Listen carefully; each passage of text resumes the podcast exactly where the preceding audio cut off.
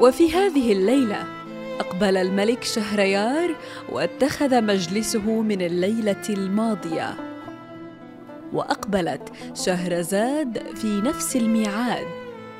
فسلمت أجمل سلام وجعلت تستأنف في الكلام. بلغني أيها الملك السعيد ذو الرأي الرشيد. إن هناك ملك اسمه ساجور. أحبه شعبه وكان عادلا محبا للسلام. ولم يكن لديه أولاد ولكن كان لديه اخا يكبره سنا. وقد كان رئيسا للجيش وكان نعم الأخ وناصرا له. وفي يوم من الأيام جاء درويشا من الدراويش.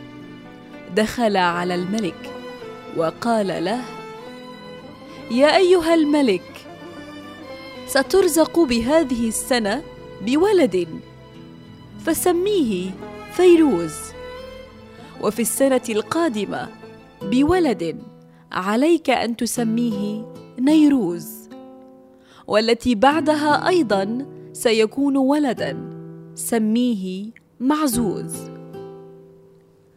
فاستغرب الملك ولكنه استبشر بكلام هذا الدرويش.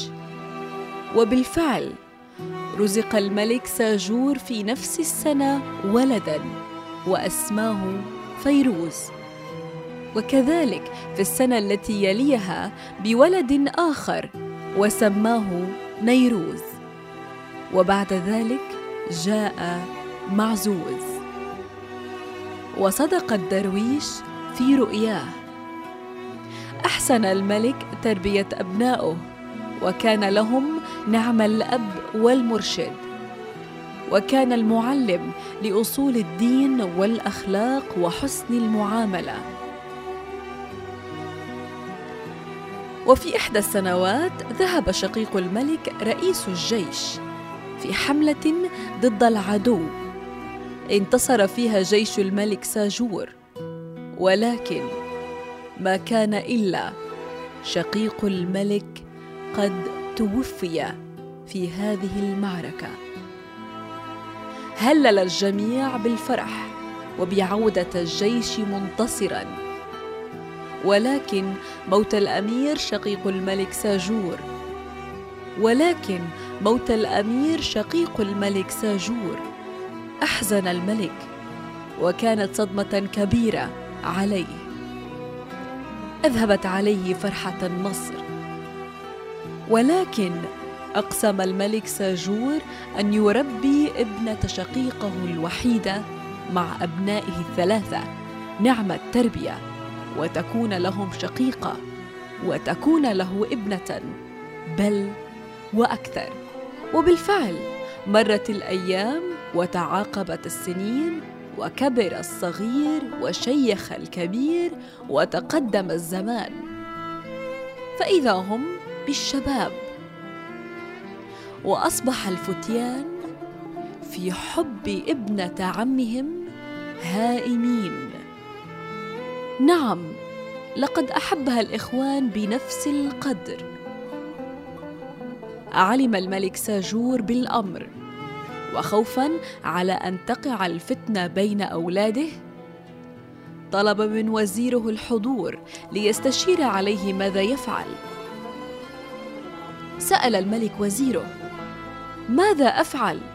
وأنني أعلم كم من الملوك قتلت بسبب فتنة الحب والنساء والغيرة. وإني أخشى من أن يضيع أولادي مني ويضيع الملك من بعدهم. قال الوزير يا أيها الملك عليك بالمواجهة. واجه أولادك بالأمر. وانظر كيف سيكون رد فعلهم. وعليك أن تتخذ القرار بشأنهم. وبالفعل طلب الملك ساجور أن يؤتى بأولاده الثلاثه كل على حدة. فجاء فيروز الأكبر. سأله عن ابنة عمه الأميرة أميرة. وقال إنني أحبها يا أبي وإن لم تكن لي سوف أقتل نفسي. سكت الملك. وذهب إلى نيروز ومعزوز وما كان منهم إلا أن انفعلوا بمثل من فعل وأجاب فيروز. الأمراء الثلاثة هائمين في حبها. لم يقبل أي منهم التنازل عن الأميرة أميرة. وعندها قرر الملك أن يذهب إلى الأميرة ويسألها عن أي منهم هي تحب. ولكن الأميرة أجابت يا سيدي الملك إن جميعهم أشقائي وأنني أحبهم جميعا في نفس الدرجة ولا يمكن أن أفضل احدا منهم. وأنني أخشى أيها الملك بأن أخذل أي أحد منهم. اعذرني يا عمي إنني لن أستطيع عن فعل هذا القرار. أنت عمي وأنت تختار لي وأنا على السمع والطاعة. هنا قد احتار الملك في أمره. ماذا سيفعل؟ لقد تعلقت قلوب الأمراء بالأميرة ولم يجدوا الملك حلا لمشكلتهم. بعد أن حدث كل منهم على انفراد ولم يجد غير الإصرار والعناد خشي الملك ساجور أن يقع المحظور وتكون الفتنة ويختلف الإخوة. فقرر أن يجمع أولاده الثلاثة أمام ابنة عمهم. وعندما اجتمع الملك بأبنائه الأمراء وبحضرة الأميرة قال لهم إن كان كل منكم قد تعلق قلبه بالأميرة وإني أخشى عليكم من الفتنة. سأعطي كل واحد منكم مهمة. واشترط الملك فيها أن يحضر كل منهم هدية ليقدمها للأميرة. وإن صاحب أغرب هدية تكون الأميرة زوجة له وتكون الهدية الغريبة مهرا لها. وأخذ الملك ميثاق على أن يحترم الإخوة هذه المسألة. وعلى أن لا يحقدوا على بعضهم وأن يقبلوا بالعدل. وماذا ستأتي به هذه القسمة؟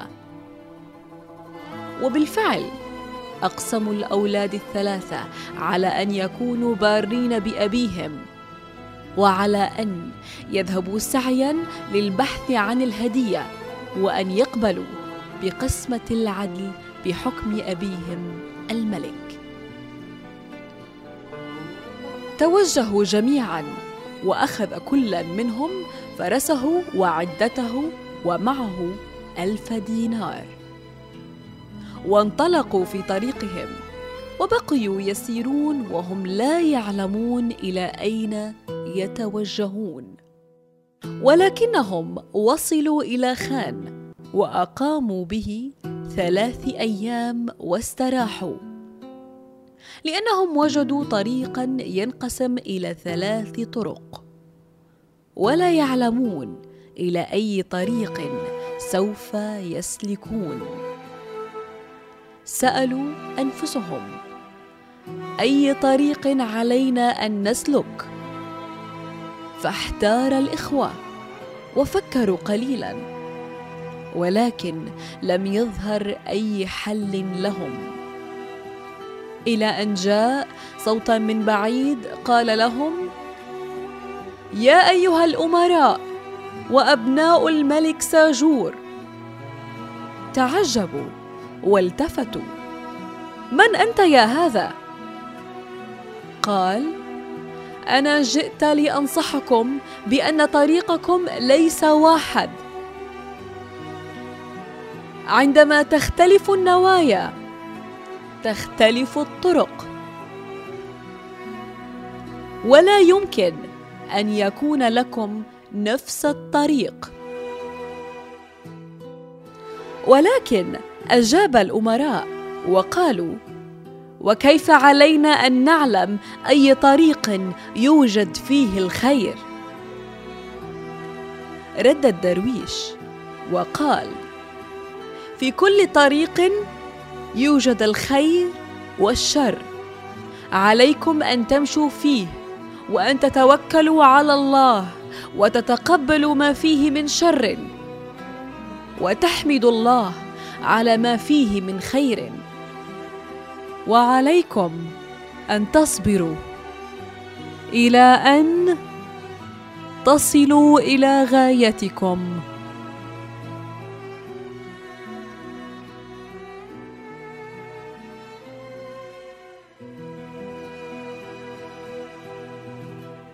وعندما أدرك شهرزاد الصباح سكتت عن الكلام المباح. وفي الغد ليلة زيادة من شهريار. نكمل الحكاية وما فيها من الأسرار.